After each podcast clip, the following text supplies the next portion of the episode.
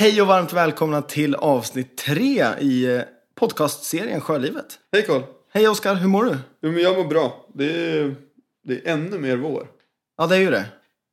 Nu börjar det faktiskt bli sol och på, på balkongen här för bara någon timme sedan så var det faktiskt riktigt varmt. Ja, jag satt ute på lunchen och drack kaffe i bara t-shirt. Och det var, behagligt. Du har för mycket tid. Nej, men det, man måste ta sig sån tid. Det är, det är själavård. Det är verkligen måste. Ja, det det vara ljust på kvällarna och... Ja, det, inte, var inte många veckor sedan, jag tror det var mörkt typ vid ett.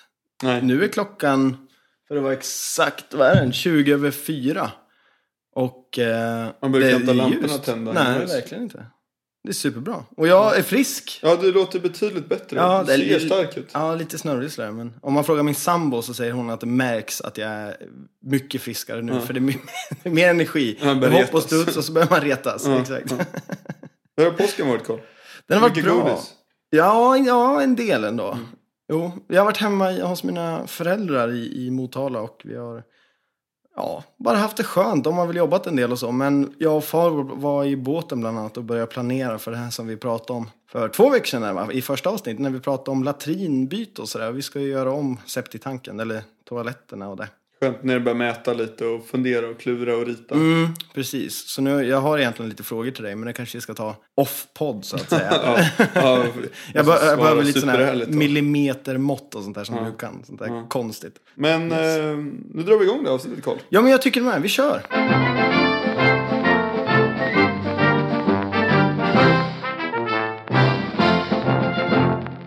Då är vi framme vid veckans nyhet.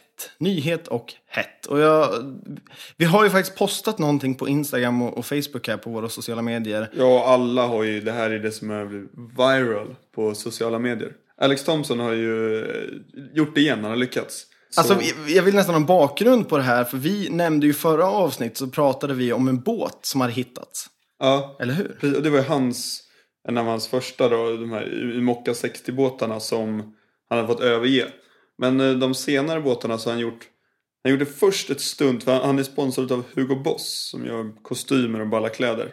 Det första han gjorde det var att han, eh, han varit inboxerad eh, på en vattenskoter medan båten seglade bredvid den och så lut, de krängde ner båten riktigt ordentligt så kölen stack upp ur luften. Och sen ställde han sig uppe på kölen. Och den filmades egentligen bara som, det viktiga, materialet av det var, skulle vara en bild. Så att filmmaterialet är som behind the scenes. Men det är jäkligt coolt att se hur han lyckas där. Han, de får till några riktigt bra bilder. Sen gjorde de en grej då han återigen varit inboxerad då till båten. eh, Men nu på en rätt snabb ribb. Och så kränger de ner båten ordentligt också. Och det han gör är att han springer upp på, på storseglet eller på På masten. sidan av masten. När segelbåten lutar och masten då lutar så springer han alltså längs med den här masten, Ja. eller ja, på masten. Hela vägen upp till toppen. Och så ställer sig uppe och sen dyker ner. Och det är ju riktigt ballt alltså. Och man förstår att han gör det helt själv och att också där de, eh, man, man ser filmer om när de har gjort det, att det är ett par gånger de inte lyckas hålla båten nedkrängd utan båten rätar upp sig och då, ja, han får hålla i sig rätt ordentligt för att inte eh, trilla ner och det blir fort högt. Men till slut så lyckas han och det har varit riktigt ballt. Den där masten måste ju vara, hur många meter? Ja, alltså båten är ju 20 meter lång och masten är ju 30 meter säkert. Det är högt upp. Det är högt upp. Och det här har han alltså gjort tidigare. Och nu har han gjort något nytt som vi har postat Ja. om. Och vad är det? Han har ju, han håller tydligen på med kitesurfing också, det visste jag inte om. Då har de eh, tagit ett av fallen från, uppe från masttoppen. Efter släpandes i vattnet så har han kitesurfat in, tagit tag i den linan och så har det suttit en liten eh, krok längst ut på. Som han har kopplat fast i sig själv och sen hoppat upp med kitesurfen så att istället för att bara sitta fast i vattnet har Han liksom spänner upp sig emellan sin egen kite som Mm. sticker iväg åt ett håll och från den här båten då. Så Ja. att han spänner upp sig liksom 30-40 meter upp i luften mellan sin kite och Ja, jag tror han är högre, segelbåten. han är ju säkert, ja han är 40 meter upp i luften säkert. Och ja, det coolaste Mm. någonstans i det här är ju att han gör allting i kostym. Snyggt PR-stunt av Hugo Boss. Och, och att han gör det själv. Man fattar att han har hjälm på sig i filmen. Det är högt upp. Det är ont att trilla. Jag, som jag trillade i, eller jag har gjort så här ryggplast från trean. Det är ju svinont. Jävlar att trilla i. Ja, för dig, det här är alltså Alex Thompson, en professionell tävlingsseglare. Så Mm. han tar ju inte hjälp av någon stuntman eller något sånt där, utan han gör ju det här och det är det som är så ballt. Ja, svinballt. Och cred. Alltså det här ser ballt ut även då Det är skitbra reklam för honom och för Hugo Boss, men även för seglingsvärlden, för det är coola grejer som händer och det, det syns bra i sociala medier. På YouTube går det ut, det går ut på Instagram, det går ut på Facebook. Alla gillar och tycker att det är häftigt. Ja, Jag tror va- varenda båttidning har postat om det här. Och, och vi. Och vi. På alltså, då kan vi lägga till då att det är ju på Sjölivet podd, eller förlåt, Jourlivet podd på Instagram och Sjölivet på Facebook. In och kolla. Sen eh, TV4 och eh, eh, Felix Herngren. De har ju på att nu att de ska... De släpper en ny eh, TV-serie.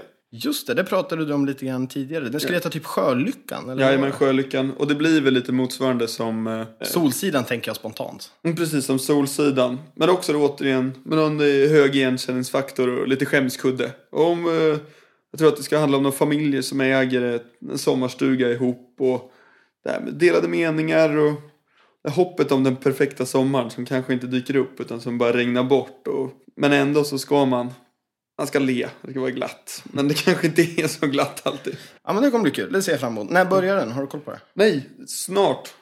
Till sommaren kanske. Jag har faktiskt inte koll. Vi hoppas det. Ja. vi får, vi får det. kolla lite mer på det.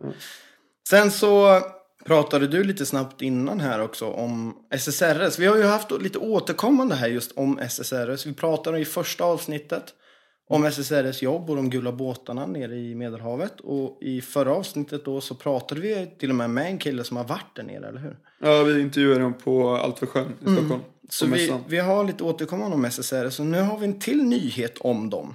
Ja, det var superkul. De har ju fått eh, sina pengar nu för året utav Postkodlotteriet. De fick eh, 18 miljoner. Det är ju rätt bra med pengar. Och eh, totalt nu så har de fått, det är nästan 193 miljoner kronor sedan 2007. Så det här är superbra för dem och gör att de kan hålla på med det de gör. Och de även säger att de, nu är det över 1500 pers som de har undsatt nere i Medelhavet. Så det är ballt att de fortsätter med insatsen och att ha råd och möjlighet att kunna göra det. Det är en till nyhet vi har innan vi fortsätter. Och det är ju, som vi också pratade med Micke Nyqvist om bland annat, eh, är ju just det här om Fejan, sjökrogen Fejan. Kan inte du berätta lite vad som har hänt och vad som händer nu? Och, ja, du Ja, har lite koll på det. Det här. var ju i Stockholms norra skärgård så ligger en, en populär sjökrog som heter Fejan. Som brann förra sommaren. Ehm, men som kom igång och folk var där och stöttade rätt aktivt. Och det är en liten gästhamn där. Så det, och det var jättemånga som var där och det var fint att se. eh, att folk ställde upp. Så de var igång under förra sommaren fast man hade brunnit eh, lite tillfälliga lokaler. Men så nu i vintras så skulle, eller, ja, så skulle de eh, renovera och fixa igång och säkert försöka utöka lite. För det, som jag har förstått så går det rätt så bra för dem, eller helt okej. Men tyvärr så verkar det vara, det är någon som har överklagat bygglovet så det strular för dem. Så det står lite still. Och de har gått ut med meddelande nu att de kommer inte vara öppna under hela säsongen 2016. Vilket är skittråkigt att höra. Det är nog en, av de mer kända sjökrogarna i Stockholms skärgård. Jag har själv aldrig varit där, men jag Mm. har hört folk som har varit där. Och, ju, och just så här när Micke Nyqvist tar Mm. upp det så, så blir det ännu mer som att det är en rätt så in, ett inneställe, vad man ska säga, Ja, det för bra, det- båtfolk. Liksom. Ja, ja, verkligen. Tråkigt att höra, men vi hoppas att de öppnar så snart som möjligt egentligen. Men det händer ju bra saker i i, Östersjön också, Carl. Det gör det. Vi har, det är så här att jag läste en forskningsartikel om eh, att det är en ljus framtid för säl och örn i Sverige. Och det är ju extremt skönt att höra för oss. Eller ja, på sjölivet, eller Ja. gällande sjölivet. Det är ju helt underbart. Om vi börjar då med sälarna så är det så att i tidigt 1900-tal så var det minst 100 000 gråsälar i Sverige. I slutet eller mitten på 70-talet så fanns det alltså mindre än 10 000 sälar. Och det här var beroende då på jakt framförallt som, som, eh, som, och miljögifter. Ja, jag tror miljögifterna var starkt bidragande. Så det var inte mer än 10 000 sälar drygt på 70-talet. Och förra året så räknade man alltså då med hjälp av, jag antar att det var flygfoton. Mm, de flyger med helikoptrar och fotar och filmar så holmar de ligger på för att kunna inventera bestånden. Och då räknade man 30 000 individer. Så man uppskattar till att det finns ungefär 40 000 gråsälar idag. Och det här är en ökning och det fortsätter att öka, öka vilket är väldigt skönt att höra. Och även då på um, örnsidan, eller havsörn. Så under 70-talet då, på havsörnssidan, så, så kom det inga ungar. Eller det kom ungar, men de, de liksom överlevde inte innan de fick vingar och lärde sig att flyga. Men i början av 90-talet så vände vi då den här trenden här i Sverige. Och eh, det har ökat väldigt stabilt och i princip, ja, det har ökat väldigt bra de senaste åren. 2015 var ju dock en väldigt kall vår Eh, vilket gjorde att, att det blev lite sämre häckningsresultat där året efter eller så. Och, men vi ser ändå att det är en ökning. Även om ökningen i sig har minskat lite grann så är det fortfarande en ökning. Och det är ungefär, om jag läser den här grafen jag har framför mig rätt nu, så har vi ungefär strax över 90 kontrollerade revir. Och det är alltså ungefär 55. Jag ser på en graf som... Ja, typ 55. Ja, typ 55 stycken lyckade häckningar Ja. i år. Som får ungar som eh, överlever. Ja, precis. Eller 2015. Och det som var på 70-talet där, det var ju också mycket med gifterna och det påverkade em, äggen jättemycket. Precis, det var- var... det kläcktes inte ungar eller de, eh, det var ingen fosterutveckling. Och det är just att havsörnen är det som är bra och dåligt med den. Alltså, det visar sig snabbt när det blir höga halter av miljögifter hos havsörnen. Och det visar ju också snabbt då när det blir, när det blir bra, när det blir bättre. Så svarar den ganska snabbt. Och det har gjorts ganska mycket insatser eftersom Alltså det är alltid ballt när man ser en havsörn. Det berättar man ju om. De har varit ute och åkt båt och så bara ah, shit alltså vi såg två havsörnar, det var så jäkla läckert. De är ju maffiga. De är Alltså det väldigt ju, vackra. man, det sägs som att om, om, man, om man frågar sig var det en havsörn jag såg, då var det nej. För att man vet om man har sett en havsörn. De är så himla stora. Det ser ut som en flygande ryamatta eller jag, en polare berättade att de hade lagt ut eh, ja, en, åtel och då var det en havsörn som var ute och käkade på den. Alltså En mat, vadå? En, de la ut mat på isen. Och då var det en havsörn som var ute och käkade någonting, eller slagit byte eller någonting. Men de trodde det var en människa som stod ute på isen. Alltså de är stora. Det är riktigt mäktigt att se dem. Och sen även nu då att så visar eh, prognosen, man räknar med att, att torsken ökar nu i Östersjön. För det har varit rätt kraftiga havsstormar, de sen, eller höststormar de senaste åren. Som har tryckt in nytt färskvatten vilket gör att eh, torskens reproduktion ökar. Och det är skitkul att få igång ett levande, att Östersjön ökar på. Att mycket trender är positiva. Även Ja. om det är en lång bit kvar självklart. Men Ja, alltså sådana här nyheter värmer ändå väldigt mycket hos mig. För jag har många kompisar också och jag själv. Man, man, det enda man hör är ju egentligen hur mycket vi förstör våran miljö, våran natur. Och vilket vi gör. Men att man då ser sådana här tendenser till att vissa djurarter ändå lyckas öka och överleva. och- Eller ja, överleva och då föröka sig i det här. Värmer ju, för det känns om man läser andra medier egentligen, alla miljöutsläpp, miljöutsläpp som man läser på nyheterna och alla sådana saker, så får man ju ändå känslan av att shit, vi förstör våran jord nu och det går fort. det. Men det här ger lite hopp. Ja, verkligen. Och det här är något som man, alltså, ja, som, som man gillar att se också. Det är, det är alltid ballt att få fisk och det är kul när man ser sälar och det är kul att se örn. Det är häftiga djur att se.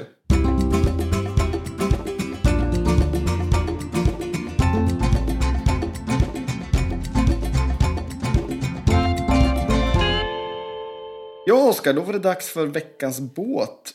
Jag tänkte att du får börja, eller jag vet att du har valt ut en motorbåt, så jag tänkte att du skulle få välja den. Och jag, jag tycker faktiskt att det här är en ballbåt. Ja, nu ska du få är- förklara. Vad är, det, vad är det för båt vi pratar om? Det är en Fjordling 17 och det är en så riktig entusiastbåt som Hur ser den ut? Det är en eh, 5,20 meter lång hardtop-båt.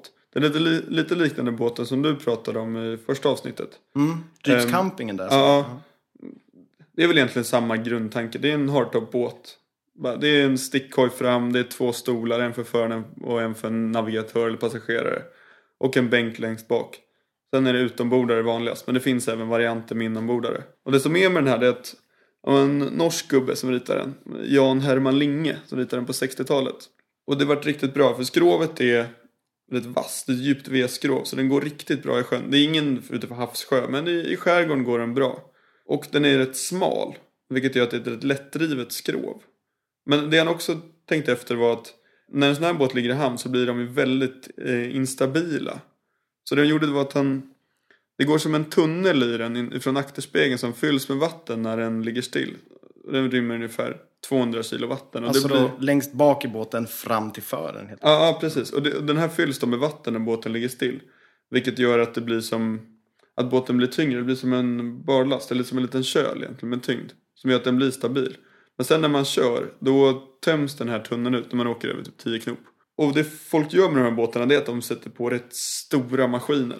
Det började med att man satte på en, en 100 hästare, Mercurys, jag tror det var en rak sexa som Tower of Power kallades den för. Då körde man Roslagsloppet och gick bra. Och den har gjort skitmånga Roslagslopp som är en Vad är Roslagslopp? Förklara. Det är en eh, motorbåtstävling som går genom Stockholms skärgård. Som är, man navigerar genom skärgården och åker fort.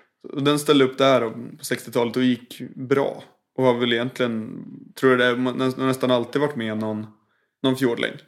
Och det som jag har sett idag, det är de, de, som jag, de ballaste de har sett på en 300 hästars utombordare.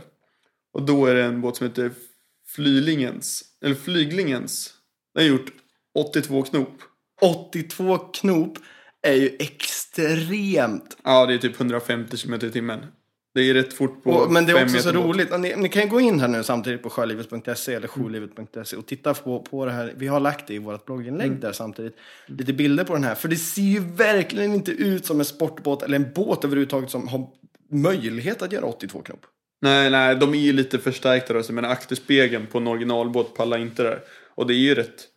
Alltså de flesta är ju gamla båtar så det, de behövs ju förstärkas upp och sådär. Men det finns en rätt bra kultur kring de här båtarna och ägarna, här, när de är och möts då, fjordlingarna, sällskapet, så det handlar ju mycket om att få båtarna att gå snabbt. Och man, så de, när man läser på forum, de pratar om hur man undviker det, att de ska wobbla i höga farter och det är propellrar och grejer. Så det är svinballa båtar som åker fort och tål åka fort. Och en båt idag, en sån, den ligger på någonstans mellan kanske 50-80 tusen beroende på motor. Men sen finns det alltid exemplar som är dyrare om du ska ha en schysst trailer med eller om det sitter en riktigt stor motor på. Då, då drar det iväg lite i pris. Men du Karl, du vill ju prata om en, eh, en segelbåt. Ja, jag ville göra det. Och jag har ju en sån där...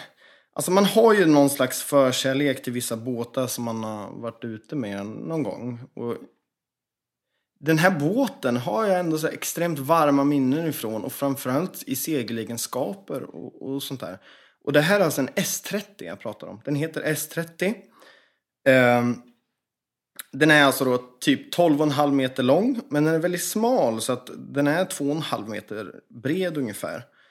Vattenlinjen är drygt 10 meter lång, så alltså vattenlinjen är ju den så lång yta av, av båten som är vid vattenytan. Det är alltså ganska mycket överhäng både i för och akter. Alltså att båten... Och man brukar prata lite grann att väldigt övergripligt, men så lång vattenlinjen är, så många knop kan en båt, segelbåten göra. Finns det ett, ett talsätt. Så den här då, kan man då säga gör 10 knop. Men den som jag kände i alla fall, vi var ute med den här för några somrar sedan för, ja men vi pratade till exempel med Arvid Bild. Ja. Jag och hans storebror är ju kompisar bland annat. Och vi var ute, det, de hade en S30. Vi var ute med den en sommar.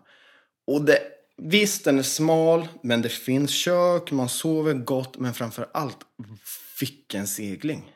Om man jämför då med den 42 fot som vi kör idag, eh, Benetton hemma. Så är det liksom, visst den går fort, men det tar tid att komma upp i den hastigheten. Men den här S30, det kräver inte mycket vind, du har väldigt mycket segelyta och du bara lättar. Du bara sticker iväg hur lätt som helst. Och den väger inte mer än typ 3 ton, 3,2 ton och sånt där tror jag. Och du har liksom väldigt, väldigt mycket segelyta. Den här båten byggdes i början av 70-talet, så det är en 70-talsbåt och den byggdes då på Fisksätra varv som det heter. Mm, Det är nere i. Nacka. Exakt. Eh, och det är traditionellt sett så är det alltså att hur den ser ut nu ska jag försöka förklara då. Men eh, det är alltså ett pentry, ett litet kök precis vid nedgången till båten. Eh, det har en salong oftast med, då, med soffor då, längsgående soffor. Eh, och på nya versioner så finns det även en toalett. Eh, även om det inte är det på de förr. Eller Original äldre. är det inte det. Nej, det precis. Och det är mycket stuvutrymmen ändå för att vara så smal. Man får plats med mycket och den är väldigt vacker. Den är ofta i teak eller i mahognyträ och sådär. Så, Ja, inredningen. mm, precis. Så den, den är väldigt vacker både inuti och utanpå. Den är, det ser ju ut nästan som en skärgårdskryssare. Den är ju baserad på, på skärgårdskryssarregeln och det är ju, de byggdes under den här alltså plast eller oljeboomen då på 70-talet när det var, när det var billigt. Och när man började bygga båtar i, i plast istället för trä. Och det var ju så här båtarna såg ut som fanns innan. Det var skärgårdskryssare som man seglade. Så då byggde, man samma sak fast i plast. Och han, Knut Reimers som ritar den här båten, han har ritat många lyckade skärgårdskryssare. Väldigt, väldigt härlig båt. Och nu vet jag inte om alla ser ut så här, men den vi hade, det är ju också en, en akterkoj. Så att det är liksom delat. Själva sittbrunnen är mitt, inte mitt på båten, men den är liksom Det finns mycket båt bakom sittbrunnen. Exakt, så du har sittbrunnen och framåt då så har du själva, själva där du går in, där du bor. Men du har även bakom dig en, en, en vad säger man, akter... eh, Det blir Jag som en kryp in. Ja, men precis. Du öppnar som en lucka och hoppar ner i den här. Som är väldigt rymlig. Och den, jag vet inte vad det är, men jag tycker att den här Kluckar i båten... den bak också. Ja, lite gör det. Men det tycker jag är skönt. Ja, ja, verkligen. Vissa hatar det kluckandet. Ja, nej, Min det- mamma gillar det väl, jag ska, jag inte säga att hon hatar det, men hon, hon gillar det väl inte. Mm.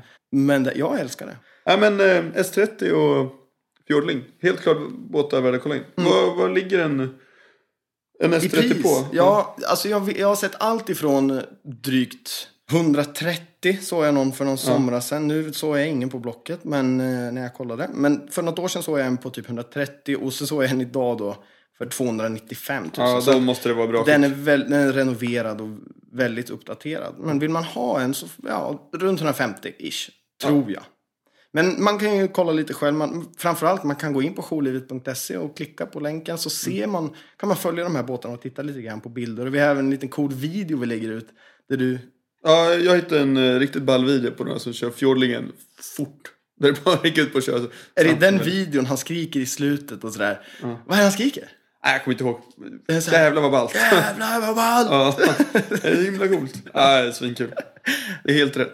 Ja, man får ett litet leende på läpparna. Titta på det.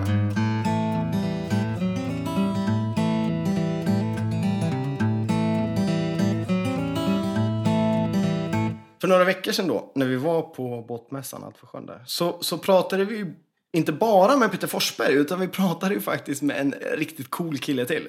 Ja, Mikael Nyqvist fick vi chansen att prata med. Också superhärlig snubbe. Snacka om, han använde sjölivet till stor del som avslappning då Från hans hektiska jobb. Och vi pratade ju allt från gamla skärgårdskryssare till paddling, eh, åka motorbåt. Så att eh, vi lyssnar.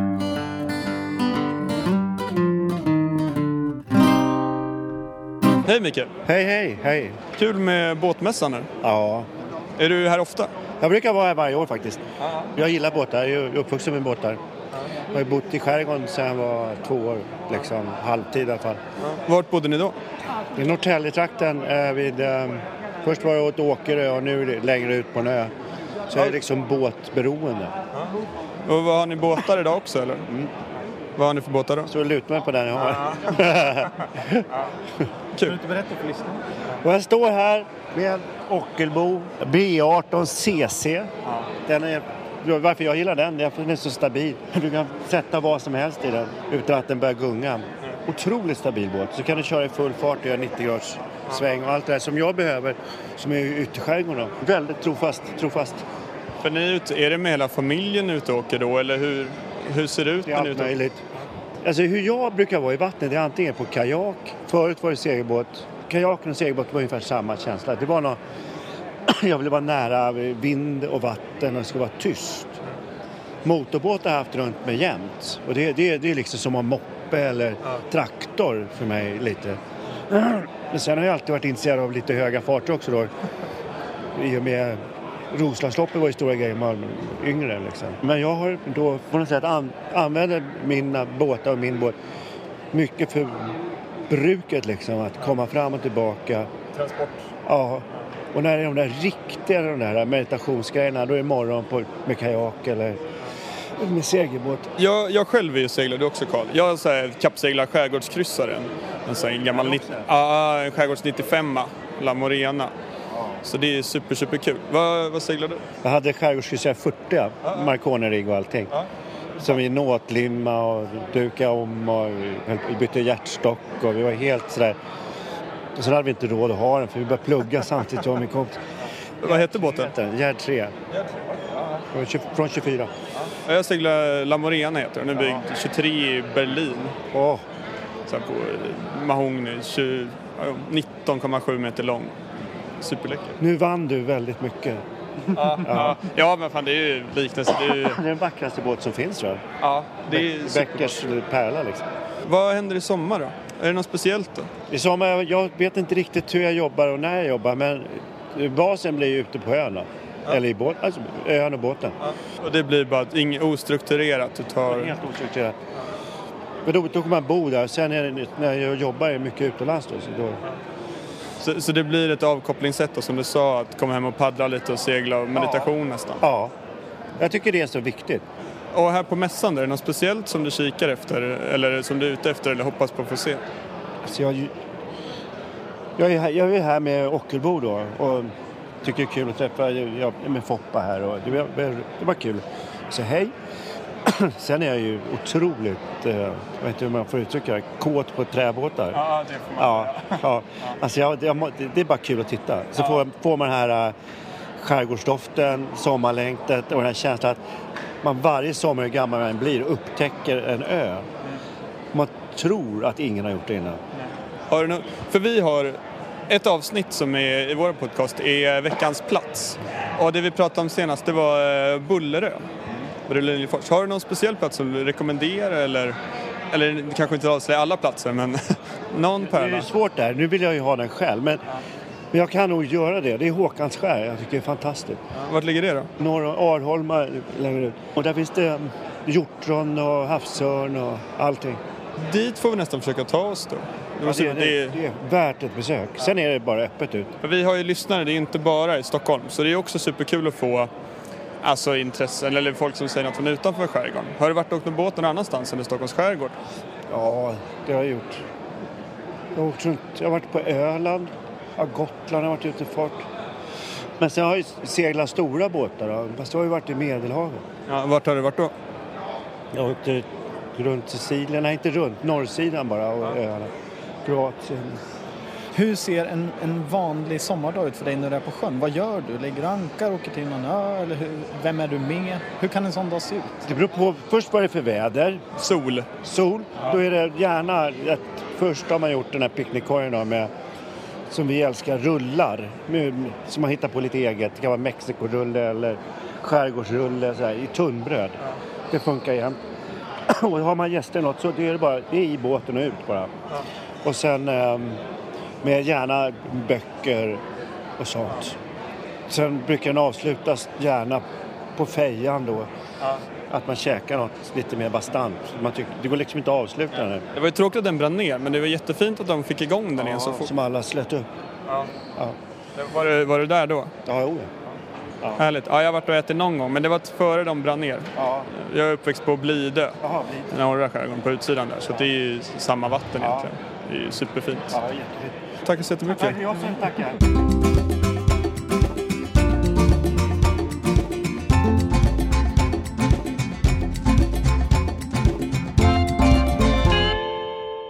Nu Carl, vi har pratat mycket om Stockholms skärgård, men det finns ju även det finns ju jätte- jättemycket mer att se. Och du som är in från Vättern, du vill ju rekommendera en plats eh, därifrån.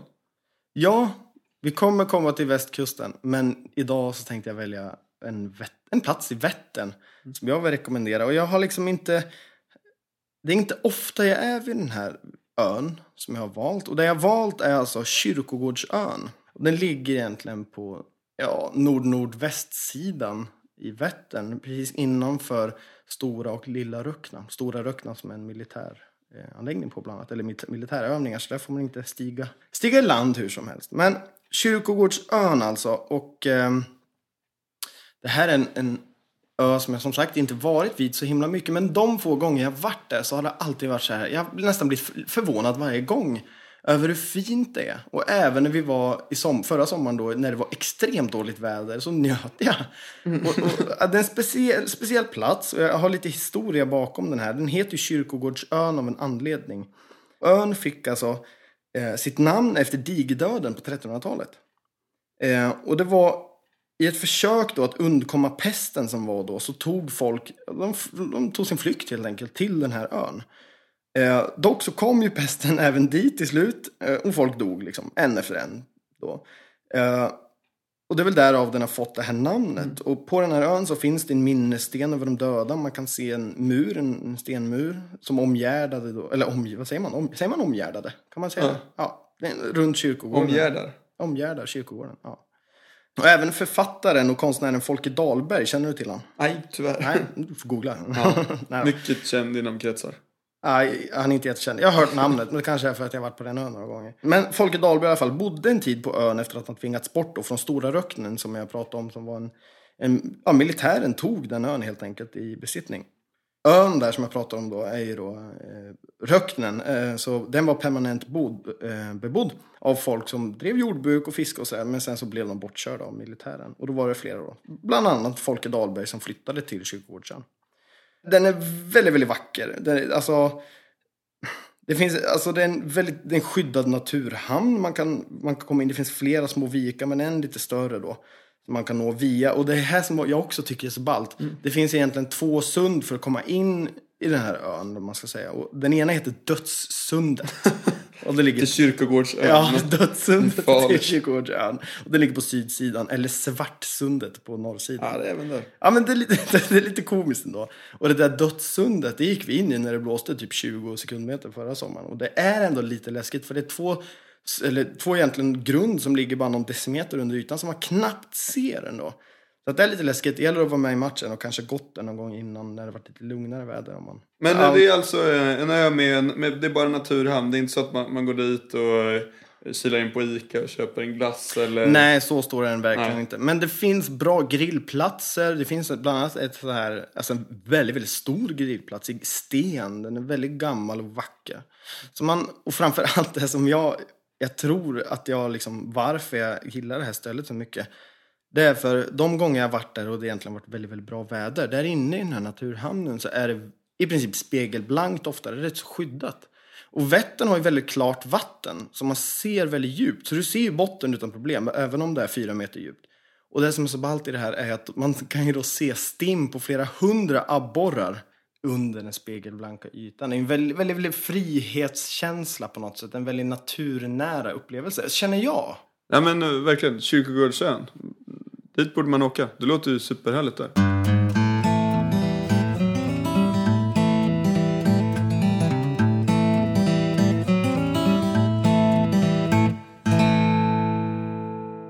Ja men då börjar tredje avsnittet lida mot ett slut Karl. Både kul men också lite tråkigt. Det är ju, som vi pratade lite snabbt om förut, det är, ju, så, det är faktiskt väldigt kul. För det här är ju enda egentligen tiden vi umgås på riktigt.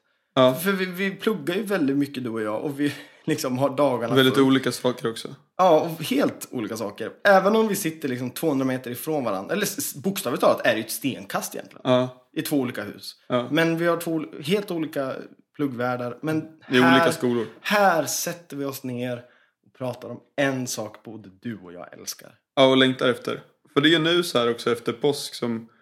Ja, du och Emma börjar dra igång MEC-projektet. Jag har inte hunnit än börja mäta lite. Men det finns ändå planer vad som ska göras. Ja, jag vet ju att Nisse eh, drar i dig lite grann. Han vill Ja. med dig och arbeta på... Det är långt Motala Umeå.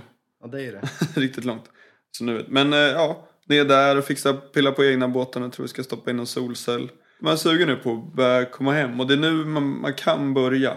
Snart ska väl båten eh, täckas av och få lufta lite, stå någon vecka. Se så båten har överlevt vintern egentligen. Börja Ja. kolla bottenfärg. Och det är ju nu solen börjar titta fram mer och mer. Och bara som förut när jag stod på balkongen i tre minuter och fick sol i ansiktet. Så är det ju en, det är en extremt härlig känsla. Ja. Och då får man någon slags så här, nej nu vill jag ut. Gå, dra till hamnen där du har Mm. din båt eller vart den än står. Börja pilla lite så fort Mm. det är lite fint väder. Åk ner, bara kika på båten om du inte har något att pilla med. Eller har du inget att pilla med, börja planera istället då. Mm. Och bästa stället att få inspiration, vart är det? Det är nere vid båten. Exakt. Nere vid vattnet. Ut och se horisont. Vi tackar för dagens avsnitt. Ut och, ut och pilla med er nu. Ja, då fixar jag. Hej då! Hej då!